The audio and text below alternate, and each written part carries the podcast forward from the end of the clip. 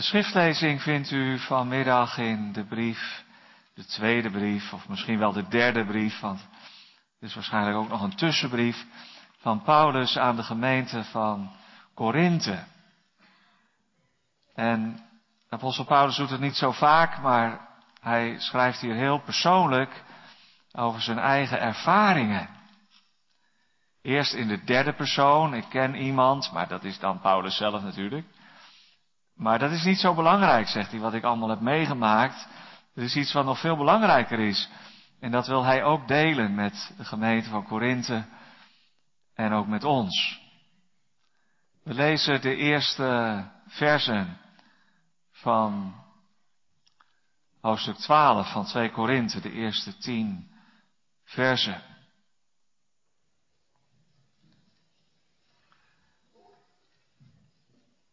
Te roemen is werkelijk niet gepast voor mij. Want ik zal komen op verschijningen en openbaringen van de Heere. Ik ken namelijk een mens in Christus, veertien jaar is het geleden. Of het in het lichaam gebeurde, dat weet ik niet. Of buiten het lichaam, dat weet ik niet. God weet het. Dat zo iemand tot in de derde hemel werd opgenomen. En ik weet van deze mens, of het in het lichaam of buiten het lichaam gebeurde, dat weet ik niet. God weet het. Dat hij werd opgenomen in het paradijs. En onuitsprekelijke woorden heeft gehoord die het de mens niet is geoorloofd uitspreken. Over zo iemand zal ik roemen. Maar over mijzelf zal ik niet anders roemen dan in mijn zwakheden. Want gesteld dat ik zou willen roemen, ik zal niet dwaas zijn. Ik zal immers de waarheid spreken. Ik onthoud mij daar echter van, opdat niemand meer van mij denkt dan wat hij aan mij ziet of van mij hoort. En opdat ik mij door het alles overtreffende karakter van de openbaringen niet zou verheffen, is mij een doorn in het vlees gegeven. Een engel van de Satan om mij met vuisten te slaan, opdat ik mij niet zou verheffen. Hierover heb ik de Heere driemaal gesmeekt, dat hij van mij weg zou gaan. Maar hij heeft tegen mij gezegd, mijn genade is voor u genoeg. Want mijn kracht wordt in zwakheid volbracht. Daarom zal ik veel liever roemen in mijn zwakheden, opdat de kracht van Christus in mij komt wonen. Daarom heb ik een behagen in zwakheden, in smadelijke behandelingen, in noden, in vervolgingen, in benauwdheden, om Christus wil. Want wanneer ik zwak ben, dan ben ik machtig. We weten allemaal, denk ik wel, wat genade is. Jullie jongens en meisjes, wat is genade? Van God. Misschien vind je het wel een moeilijk woord, hè? Genade. Nou, genade, dat is heel simpel. Dat je iets krijgt wat je niet verdient. Of je kan het ook nog omdraaien. Dat je iets niet krijgt wat je wel had verdiend. Als je straf had verdiend en je krijgt het niet, dat is genade. Of, als je iets niet had verdiend, maar je wordt verrast met een groot cadeau. Zeg, waar heb ik dat aan te danken? Dat is genade. Gratis. Je krijgt iets. Je krijgt iets van God. We weten allemaal wel wat genade is, denk ik. hoop ik. Maar hoe werkt nou die genade van God? Dat is de vraag voor vanmiddag. Daar wil ik proberen iets over te zeggen vanuit dit toch wel bekende Bijbelgedeelte. Het is natuurlijk een tekst die vaak wordt aangehaald en die de eeuwen door eh, honderdduizenden christenen, misschien wel meer, heeft getroost en bemoedigd. Misschien herken je dat zelf ook wel. De woorden van de tekst, vers 9, laten we dat als uitgangspunt nemen voor het behandelen van het gedeelte. Maar hij heeft tegen mij gezegd, mijn genade is voor u genoeg. Want mijn kracht wordt in zwakheid volbracht. Hoe werkt nou die genade van God? Geliefden in de Heere Jezus Christus. Hoe werkt nou eigenlijk Gods genade? Wat een mooie vraag. Maar laten we eerst even op ons in laten werken waarom die vraag vanmiddag nou zo belangrijk is. Er kan in de eerste plaats een stukje herkenning zijn bij de Bijbel. Dat het niet alleen maar theoretisch is. Ja, genade, daar weten we van. Vergeving van zonden en dat God voor je zorgt. Maar denk het nou eens een beetje dichter bij je eigen hart. Hoe werkt dat nou eigenlijk? Wat is het mooi als je, als de woorden van de schrift resoneren in je hart.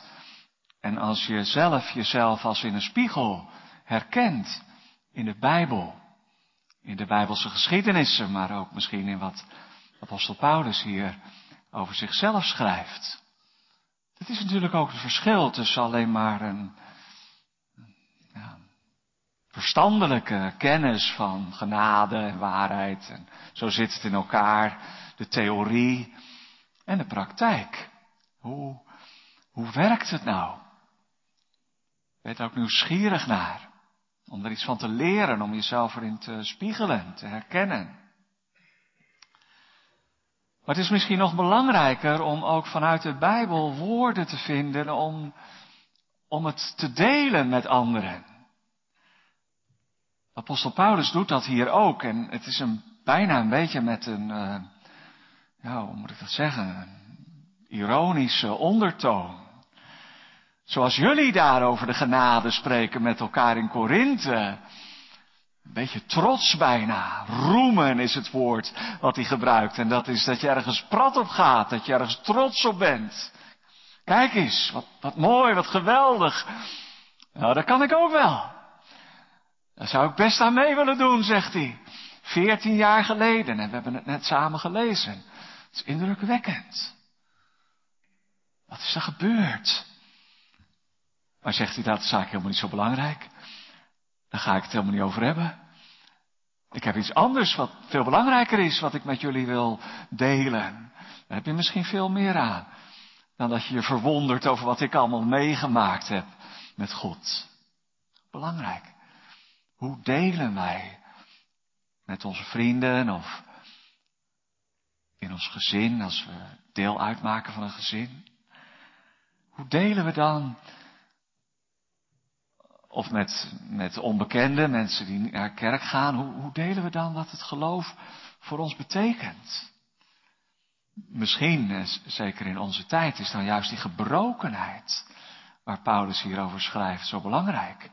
Geen prachtige verhalen, te mooi om waar te zijn. Ja, het is allemaal wel waar. Maar geen prachtige verhalen, maar veel eerder iets van Genade tegenover gebrokenheid. Genade van God. God die voor Paulus zorgt. Juist als het erop aankomt. Dus terug naar de vraag. Hoe werkt nu Gods genade? Heel praktisch.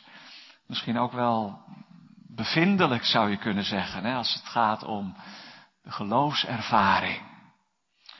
Ja, op die vraag zouden allerlei verschillende antwoorden gegeven kunnen worden. Dus ik moet echt inzoomen op het Bijbelgedeelte hier. Wat ik nou niet vanmiddag met jullie ga delen, dat zou een heel andere preek zijn, is de genade van de vergeving van de zonden. Hoe werkt dat dan? Als je met al je schuld bij God komt en je mag horen vanuit het evangelie Voor een ieder die in hem gelooft is er vrijspraak, vergeving van zonden. Ja, dat is ook de kern van de genade en daar wist Paulus ook van. Maar, maar hier bedoelt hij dat niet en dus moeten we dat aspect ook laten liggen. Ik noem het maar even zijdelings, dat, dat u niet denkt, nou, ik, ik had dat verwacht, maar nou ging het ergens anders over. Waar het hier om gaat, en daar wil ik wel vier voorbeelden van geven uit het Bijbelgedeelte, dat is de genade om de dingen in je leven anders te gaan zien. Dus niet zozeer de genade van de vergeving van de zonde, die ligt daar wel onder, maar de genade, zou ik haast zeggen, van de verlichting door de Heilige Geest en door het woord van Jezus. Hij heeft tegen mij gezegd, mijn genade is u genoeg. De verlichting door de geest en door het woord, zodat je, ja, die werkelijkheid die verandert misschien niet zoveel. Dat was bij Paulus tenminste ook zo. Het gebeurde niet wat hij had gevraagd en, waar hij op, op zat te wachten. En toch, die genade helpt hem om alles in een ander licht te zien. Dat is ook genade van God. Misschien denk je daar niet zo gauw aan, maar ik hoop dat je het herkent. Dat er opeens licht opgaat in je leven. En dat je zegt, oh ja, dat is ook zo. Dat had ik nooit gezien. Ik moest even denken aan het verhaal uit Genesis van Hagar en Ismaël. Weet u nog, jongens en meisjes? Hij had zo'n dorst. Die tiener. Hij liep met zijn moeder door de woestijn. Ze hadden één kruikje met water meegekregen. Mama, ik heb zo'n dorst. Ja, maar jongen, het water is op. Ik weet niet hoe ver we nog moeten lopen. En toen, ja, toen was hij zo moe. En ze legde hem ergens neer en ze ging op een afstandje zitten, zodat ze, ja, ze wist ook niet wat ze moest. Ze wilde ook niet, niet met haar neus erbovenop zitten als haar zoon zou sterven van dorst. En dan staat er dat een engel van de Heere tot haar sprak, de Heere zelf door die engel. En dat haar ogen geopend werden en dat ze opeens zag dat ze daar vlak bij een waterput zat. De Heere gaf Ismaël en Hagar te drinken, nieuw leven bij de bron. Ze zat er bovenop, maar ze wist het niet, totdat haar ogen geopend werden. Dat is ook genade. Dat je ogen open gaan. Dat je verlicht wordt. Dan gaan we terug naar de tekst. Want ik zei net, er zijn wel vier voorbeelden van in dit Bijbelgedeelte. En het eerste, dat is de manier waarop Paulus schrijft over die doren in het vlees. Eerst heeft hij het over die openbaring en dat hij in de hemel geweest is. Ik ken iemand, maar dat is hij natuurlijk zelf, want hij zegt, opdat ik mij door de uitnemendheid van de alles overtreffende openbaringen niet zou verheffen. En dan zegt hij, mij is een doren in het vlees. En dat wil ik even onderstrepen. Gegeven. Gegeven. Kom er zo even op terug. Ik dacht altijd, ja, die doren in het vlees, wat is dat nou precies? Dat staat er ook niet bij.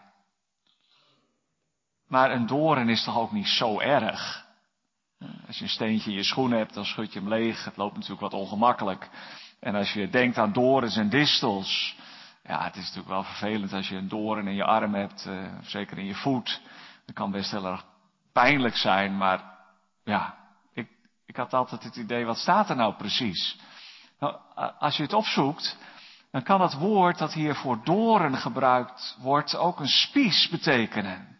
Of een speer die als het ware dwars door je lichaam gaat. Ik kies er maar voor om het zo te vertalen.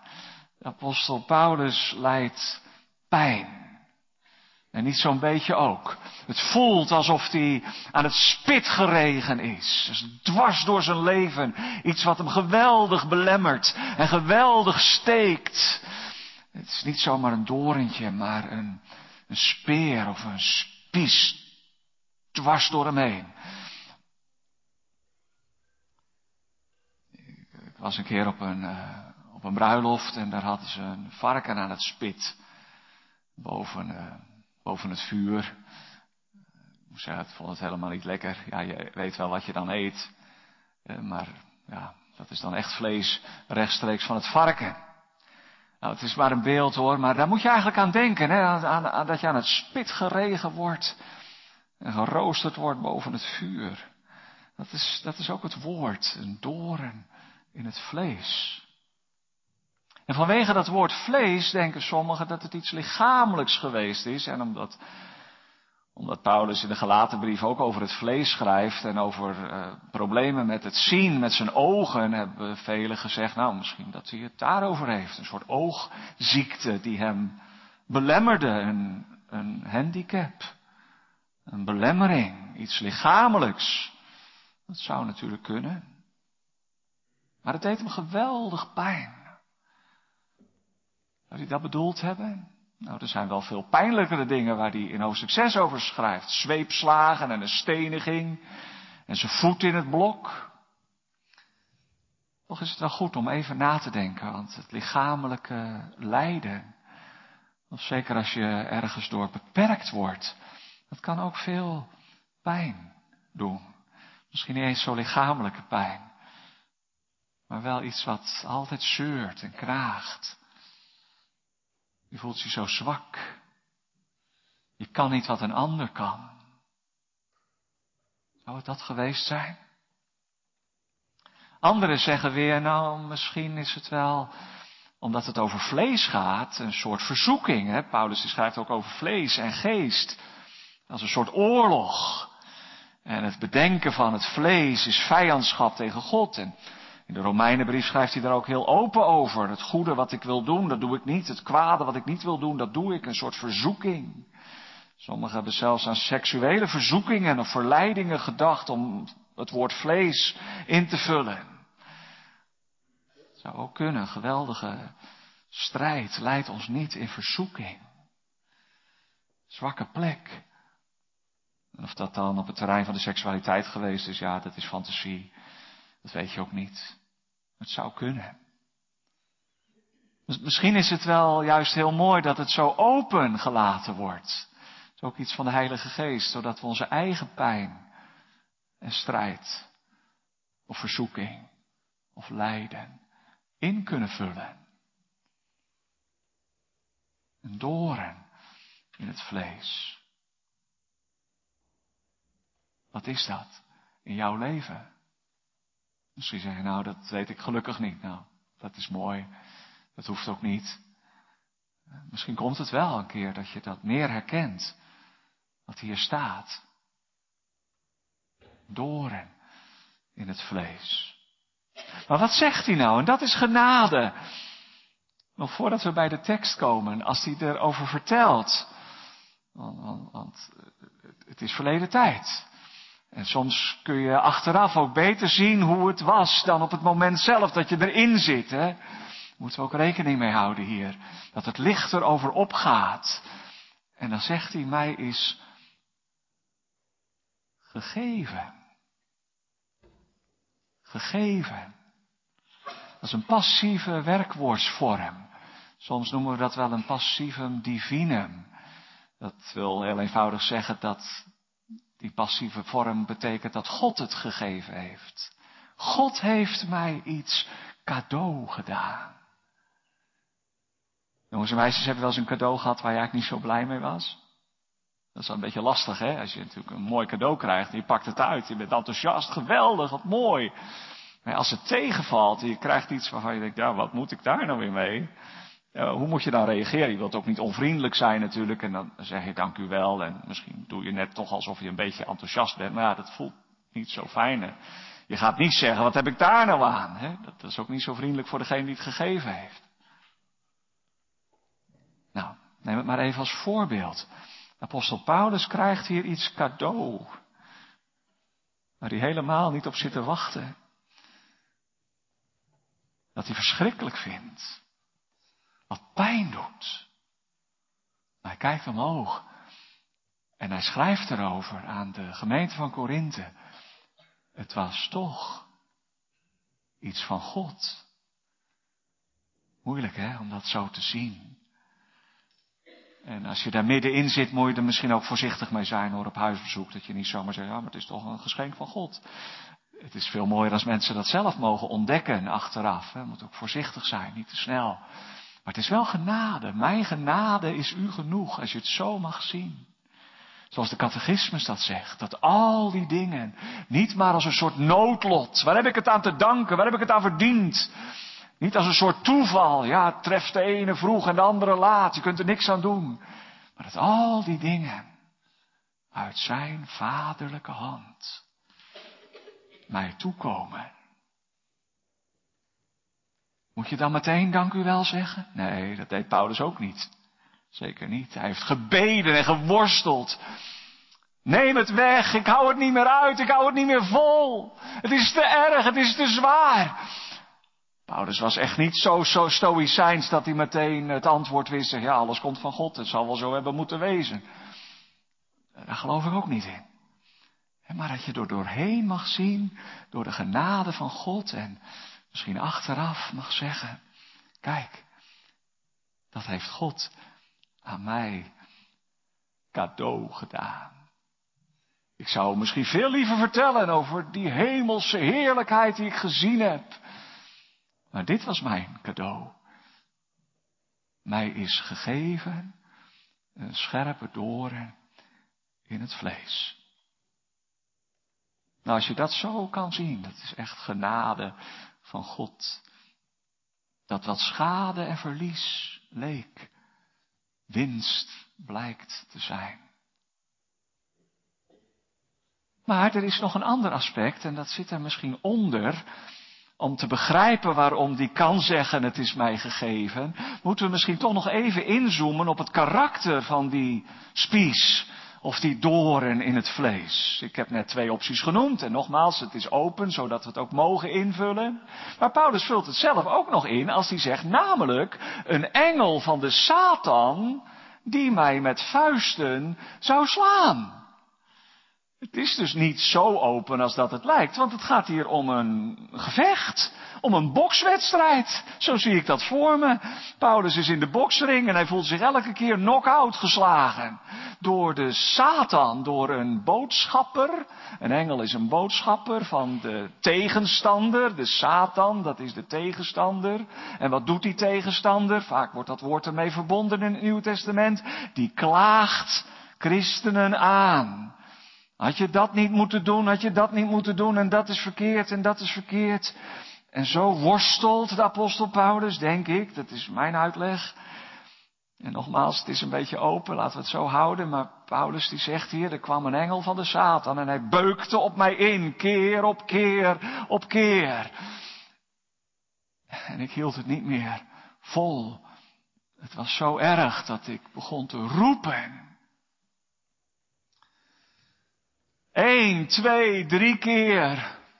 Laat het van mij weggenomen worden.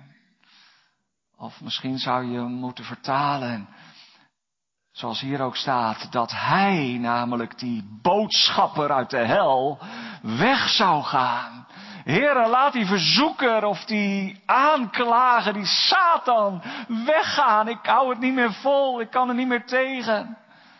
En zo vertelt hij iets over zijn geestelijke strijd en benauwdheid. En dat denk ik dan vooral ook over zijn angst. Zou dat het geweest zijn? Ja, als ik aan de apostel Paulus denk, dan denk ik aan iemand die onverschrokken was en nergens bang voor. Toch? Overal sprak hij vrijmoedig over de Heer Jezus, wat het ook mocht kosten. Als er iemand niet bang was, dan was Paulus niet bang. Zo vrijmoedig. Zo moedig. Zo zou je ook wel willen zijn. Maar je verkijkt je erop, hè, want hij zegt het zelf ergens. De mensen zeggen, de brieven die zijn wel heel stevig en gewichtig. Maar als je de persoon zelf ziet, ja, dan is het ook maar een zwak en kwetsbaar mannetje. En wist u dat? Het was mij nooit opgevallen dat er twee keer staat dat de Heer tegen Paulus zegt, vrees niet. Eén keer was in de storm op zee, in handelingen. Dan kun je je voorstellen. En dan vertelt hij aan al die mensen die ontredderd zijn en, en bijna verhongerd. Vannacht heeft er een engel van God bij mij gestaan, van wie ik ben, die ik ook dien. En hij heeft gezegd, wees niet bevreesd. Paulus, kennelijk had Paulus dat in de storm ook nodig. Vrees niet. Hoe vaak staat het niet in de Bijbel omdat we het zo nodig hebben. Wees niet bevreesd. Maar het staat nog een keer in handelingen. Als Paulus worstelt, dat de Heer bij hem komt. Een engel van God. Ja, de Heere zelf.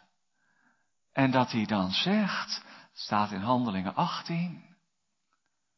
Wees niet bevreesd, Paulus, want niemand zal de hand aan u slaan om u kwaad te doen. Want ik heb heel veel volk in deze stad. En het is opvallend, dat was nou juist in Korinthe. Dat de Heer tegen Paulus zei, wees niet bevreesd.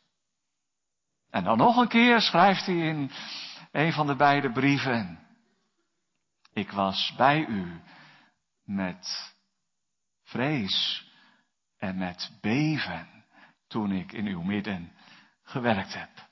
Dus Paulus herinnerde zichzelf, en dat staat ook in handelingen. In ieder geval zou je kunnen zeggen dat die geestelijke strijd Paulus confronteerde met zijn eigen kwetsbaarheid en zwakheid en angst. En als het nou eens zo gebeurt, en als ze nou eens de hand aan me slaan, en waar ben ik dan? En die engel van de Satan, misschien is daar een verband. Zou het kunnen zijn dat die Paulus eraan herinnerde, aan waar hij zelf ook wel over schrijft? Jij hebt de gemeente van God vervolgd. Dat hij die beelden nog op zijn netvlies zag, dat hij de christenen heeft gedwongen te lasteren en Jezus te vervloeken. In zijn verblindheid en onwetendheid. In zijn fanatisme tegen Jezus. In zijn verzet ging hij zo ver. Veel verder dan de anderen. En toen de stenen regenden op het hoofd van Stefanus. Vond Paulus het fijn om te zien dat deze knecht van God stierf. Goed zo verdiende loon voor Stefanus. Wat erg. Als je zo'n verleden hebt. Van zwarte bladzijden in je leven die je niet meer over kunt doen. En je wordt ermee aangevallen en het benauwt je en het beangst je je geweest bent. Kun je dat voorstellen? Nogmaals, het is mijn interpretatie en ik laat het open. Maar er lopen wel verbanden hier. En zeker als je dat verbindt met die geestelijke strijd. Mij is gegeven een doorn in het vlees, namelijk een engel van de Satan. Heeft God dan die engel van de Satan aan Paulus cadeau gedaan? Zo mag je dat toch niet lezen? De Satan is toch de tegenstander, de tegenmacht? Ja, dat is zo. Dat wil God niet, die valse beschuldigingen en die strijd en dat onheil en die verzoeking.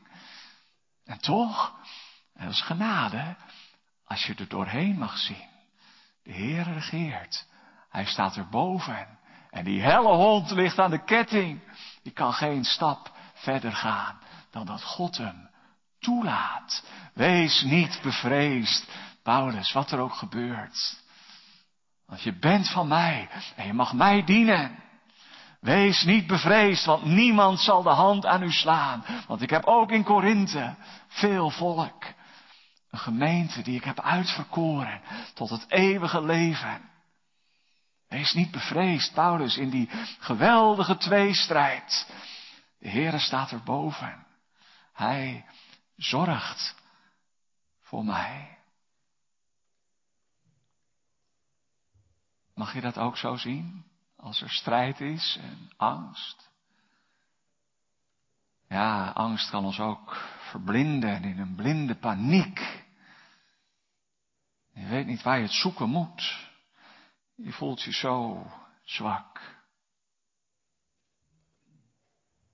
En je bidt misschien, Heer, laat het ophouden, laat het overgaan. Ik, ik hou het niet meer uit. Eén, twee, drie keer. Aanhoudend, voortdurend, zeggen sommige uitleggers. Anderen, dat vind ik ook wel mooi, verbinden het met het gebed van Jezus. En de angst van de heiland in Gethsemane. Abba, Vader, laat het voorbij gaan, laat het weggaan. Laat de drinkbeker voorbij gaan. Maar niet mijn wil, uw wil geschieden. En zo heeft ook Paulus, net als de heiland, drie keer gebeden, gesmeekt. Laat het ophouden. Laat die weggaan. Maar het ging niet over en het ging niet weg. Maar hij heeft tegen mij gezegd, mijn genade is voor u genoeg. Letterlijk staat er. En zo klonk het ook voor de apostel. In zijn strijd en in zijn gebed. Genoeg voor jou is mijn genade. Wat een woord. Wat een heerlijk evangelie. Waar het ten onder gaat en het niet meer uithoudt. Dat is genade. En hoe werkt dat dan? Door het woord van een lied of van een psalm of van een preek of van een tekst op een kaartje. Misschien heb je hem wel bewaard, dat ene kaartje wat je toen kreeg. Of bij het lezen van de Bijbel. Of hoe dan ook, dat je de stem van de Heer Jezus herkent. Genoeg voor jou. Het is ook voor jou. Is mijn genade. En dan wordt het zo stil in de storm. En dan daalt de vrede van God, die alle verstand te boven gaat, in je hart voor even. Nee, de strijd is niet voorbij, de engel is niet weg. De engel, de boodschapper uit de hel, kan je nog wel plagen. En toch is het anders, hè? Het is anders. Want de Heere heeft gesproken. Zijn machtswoord. Genoeg voor jou is mijn genade. Het gaat er ook niet om, Paulus, wat jij verdient of verprutst hebt. En misschien blijft het je ook aanvliegen wat je anderen hebt aangedaan. Je kunt het niet meer overdoen. Je kunt het niet meer ongedaan maken. Die beelden kunnen je blijven achtervolgen. Je voelt je schuldig. De minste van alle apostelen. De grootste van alle zondaren schrijft hij later nog aan Timotheus. Maar mij is barmhartigheid geschied. Want mijn genade is voor jou.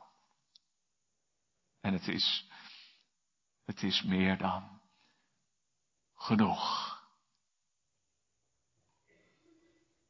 Dus als we er nog even op reflecteren. Genade is het anders gaan zien hè, in het licht van God. Hij staat erboven en hij geeft het. Niet als een cadeau, maar als een uitdaging. Nou, dat is een al te werelds woord hier. Als een beproeving van je geloof. Hij geeft het, maar er zit ook nog iets anders achter. Er is ook strijd. En je mag het in het bredere verband zien van de strijd tussen de geestelijke boosheden in de lucht en het koninkrijk van God. In de boksering, waar je misschien elke keer een nederlaag leidt, daar gebeurt wel iets. Wat een betekenis heeft, veel breder. Je staat er niet alleen voor als je ten onder gaat, maar er is een strijd gaande. En Paulus, zo gaat het nou. Zo ging het met mij, zo gaat het nu ook met jou, zegt de Heer. Als je ten onder dreigt te gaan, als je zwak bent, dan ben je juist sterk. En dat is het derde, in antwoord op die vraag hoe werkt de genade. Je ziet dat het van God komt. Ook de strijd en de pijn. Je ziet dat het onderdeel is van een geestelijke strijd. En dat maakt het niet gemakkelijker, maar misschien toch wel anders. Hè? Als je weet dat de vijand overwonnen is. En hoe die dan ook tekeer gaat. Hij is verslagen en hij weet het zelf ook. Hij weet dat hij nog maar een kleine tijd heeft. En daarom gaat hij zo tekeer. In de wereld om ons heen en in ons eigen leven. En dan zegt de apostel Paulus, dat gaat eigenlijk nog een stapje verder. En dat is nou precies wat ik nodig had. En jullie zijn aan het roemen over al die mooie geestelijke ervaringen. En daar zou ik aan mee kunnen doen, maar het zou dwaas zijn als ik dat zou doen.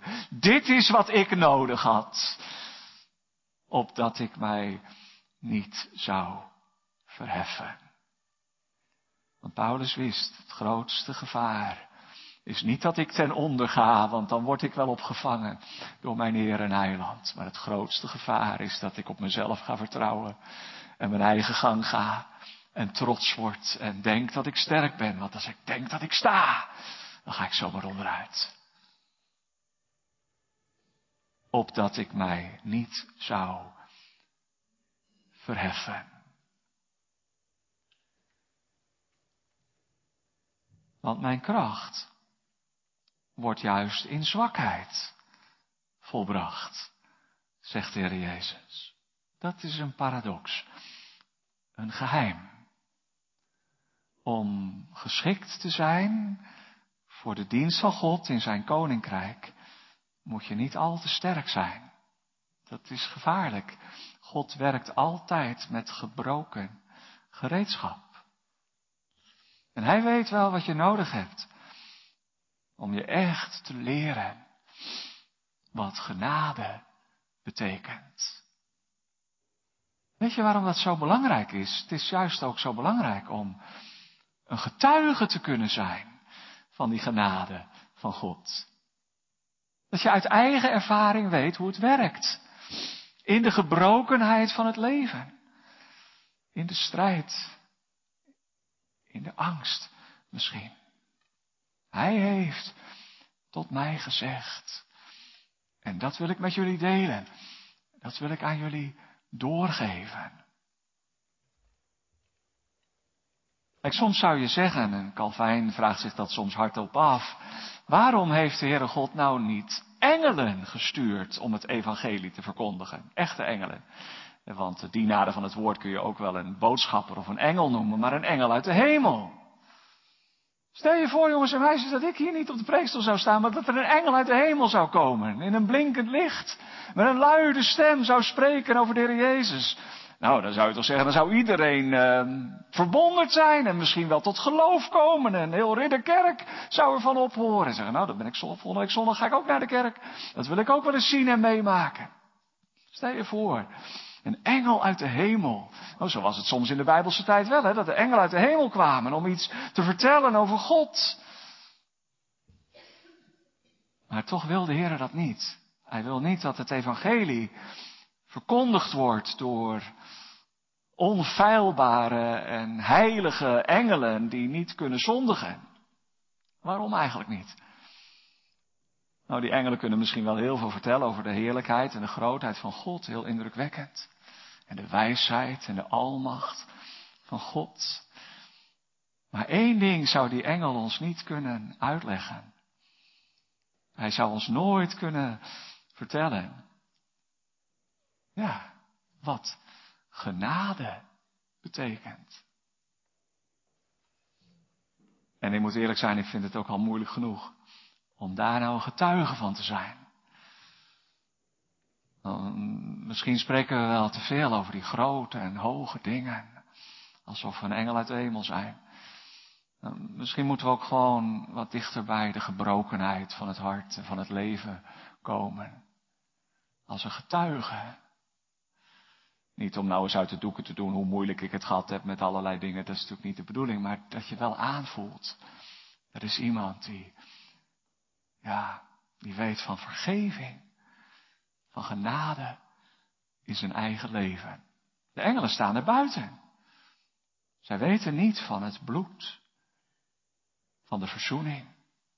Ze weten niet van de vergeving, van de zonde. Ze weten ook niet van de genade om het in de geestelijke strijd, in alle zwakheid, vol te houden.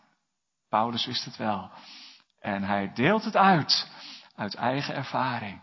En hij zegt dat had ik nou nodig. Dan kun je eigenlijk alleen maar van jezelf zeggen, denk ik. Hè? Je moet niet tegen iemand zeggen, nou misschien had je het wel nodig. Misschien is het wel ergens goed voor, dan gaat het ook mis. Het is een persoonlijk getuigenis. Het is wel genade van God als je terug mag blikken op die moeilijke periode of op dat verlies. Periode van rouw. Misschien zelfs van een donkere depressie in je leven. Toen je erin zat had je er niks aan. Was het alleen maar donker en duister en angstig. Vloog je naar de keel. Maar als je erop terug mag zien. De Heere was ook daar. Al zag ik hem niet. En er was een geestelijke strijd. Ik ging bijna ten onder. Hij heeft mij vastgehouden en bewaard. En misschien had ik het wel nodig. Ja, niet omdat ik nou zo slecht ben. Want als je in de depressie zit, dan zou je nog meer gaan denken. Nou, misschien ligt het wel aan mij. zo bedoel ik het niet. Maar, maar andersom, hè. Misschien Mag ik nou anderen die zoiets ook meemaken vertellen over wie de Heer voor me is? Heel eenvoudig om een getuige te zijn van die genade van God. Zo is het hier voor de apostel Paulus. En dat brengt me bij het laatste. We hebben gezien, het is gegeven. En zo valt er ander licht op. Het is een doorgaande strijd. Maar de overwinning is behaald. En dat geeft troost. Paulus heeft het nodig, kennelijk, om een getuige van Christus te kunnen zijn. Om uit persoonlijke ervaring te kunnen delen hoe groot, hoe oneindig groot die vergevende liefde van God in Christus is. En zijn nabijheid die sterkt en die leidt. En dan zegt hij, daarom zal ik veel liever roemen in mijn zwakheden, opdat de kracht van Christus in mij komt wonen. er zit ook nog iets in van een continuïteit, van hoop voor de toekomst. Er is iets gebeurd. En het was verschrikkelijk. Het is nog niet voorbij, want die engel is niet weggegaan op zijn gebed. Maar nu mag Paulus het zo zien. En hij mag er zelfs in roemen. Hij is er trots op. Al kun je dat hier eigenlijk natuurlijk niet zo zeggen.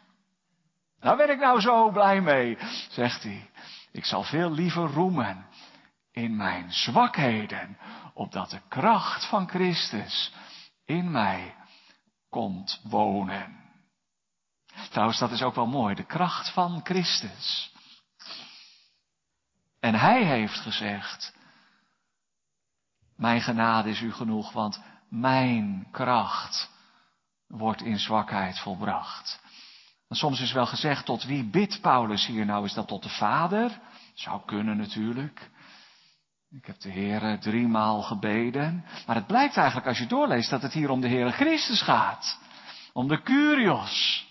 Het is een van de bewijsplaatsen dat we ook mogen bidden tot Christus. Niet alleen Bartimaeus deed dat, zoon van David, ontferm u over mij. Maar als de strijd hevig is, dan wordt het gebed steeds korter. En soms mogen we ons in onze gebeden rechtstreeks tot de Heer Jezus wenden. Ja, we bidden meestal om Jezus wil tot de Vader. Zo heeft Hij het ons geleerd. Maar vanuit de nood, Heer ontferm u over mij. Heere, help mij. Heere Jezus, wees mij nabij. En dan zegt hij op dat de kracht van Christus. Mijn genade is u genoeg, mijn kracht wordt in zwakheid volbracht, opdat die kracht van Christus in mij zou komen wonen. Want zo lijkt Paulus meer dan ooit op zijn heiland. Niet alleen om er met woorden over te kunnen getuigen en te kunnen vertellen wat genade betekent. Maar nooit is de Heer Jezus zo dicht bij ons als in de gebrokenheid, in de strijd, in de pijn. Mijn kracht is daar om je doorheen te dragen. Mijn kracht is daar om je te helpen als het niet meer gaat, als je aan het eind bent dat de kracht van Christus, van de Heere, die dood en hel heeft overwonnen en is opgestaan en leeft in alle eeuwigheid, in mij zou komen wonen. Daar ben ik nou zo blij mee. Dat is voor mij het allerbelangrijkste. Daarin zal ik roemen. En bijna met een lichte ironie zegt hij dan, en het is goed zo. Want ik heb een behagen in zwakheden, in smadelijke behandelingen, in noden, in vervolgingen, in benauwdheden. Om Christus wil. Daar ben ik nou eigenlijk blij mee. Dat heeft hij mij geleerd. Want als ik zwak ben, dan ben ik machtig. Door Hem, die mij heeft liefgehad. Door Zijn genade. Laat het nog één keer op je inwerken. Hij heeft tegen mij gezegd. En ik hoop dat je het herkent. Vraag erom. Hij heeft ook tegen mij gezegd. Genoeg voor jou is mijn genade. Amen.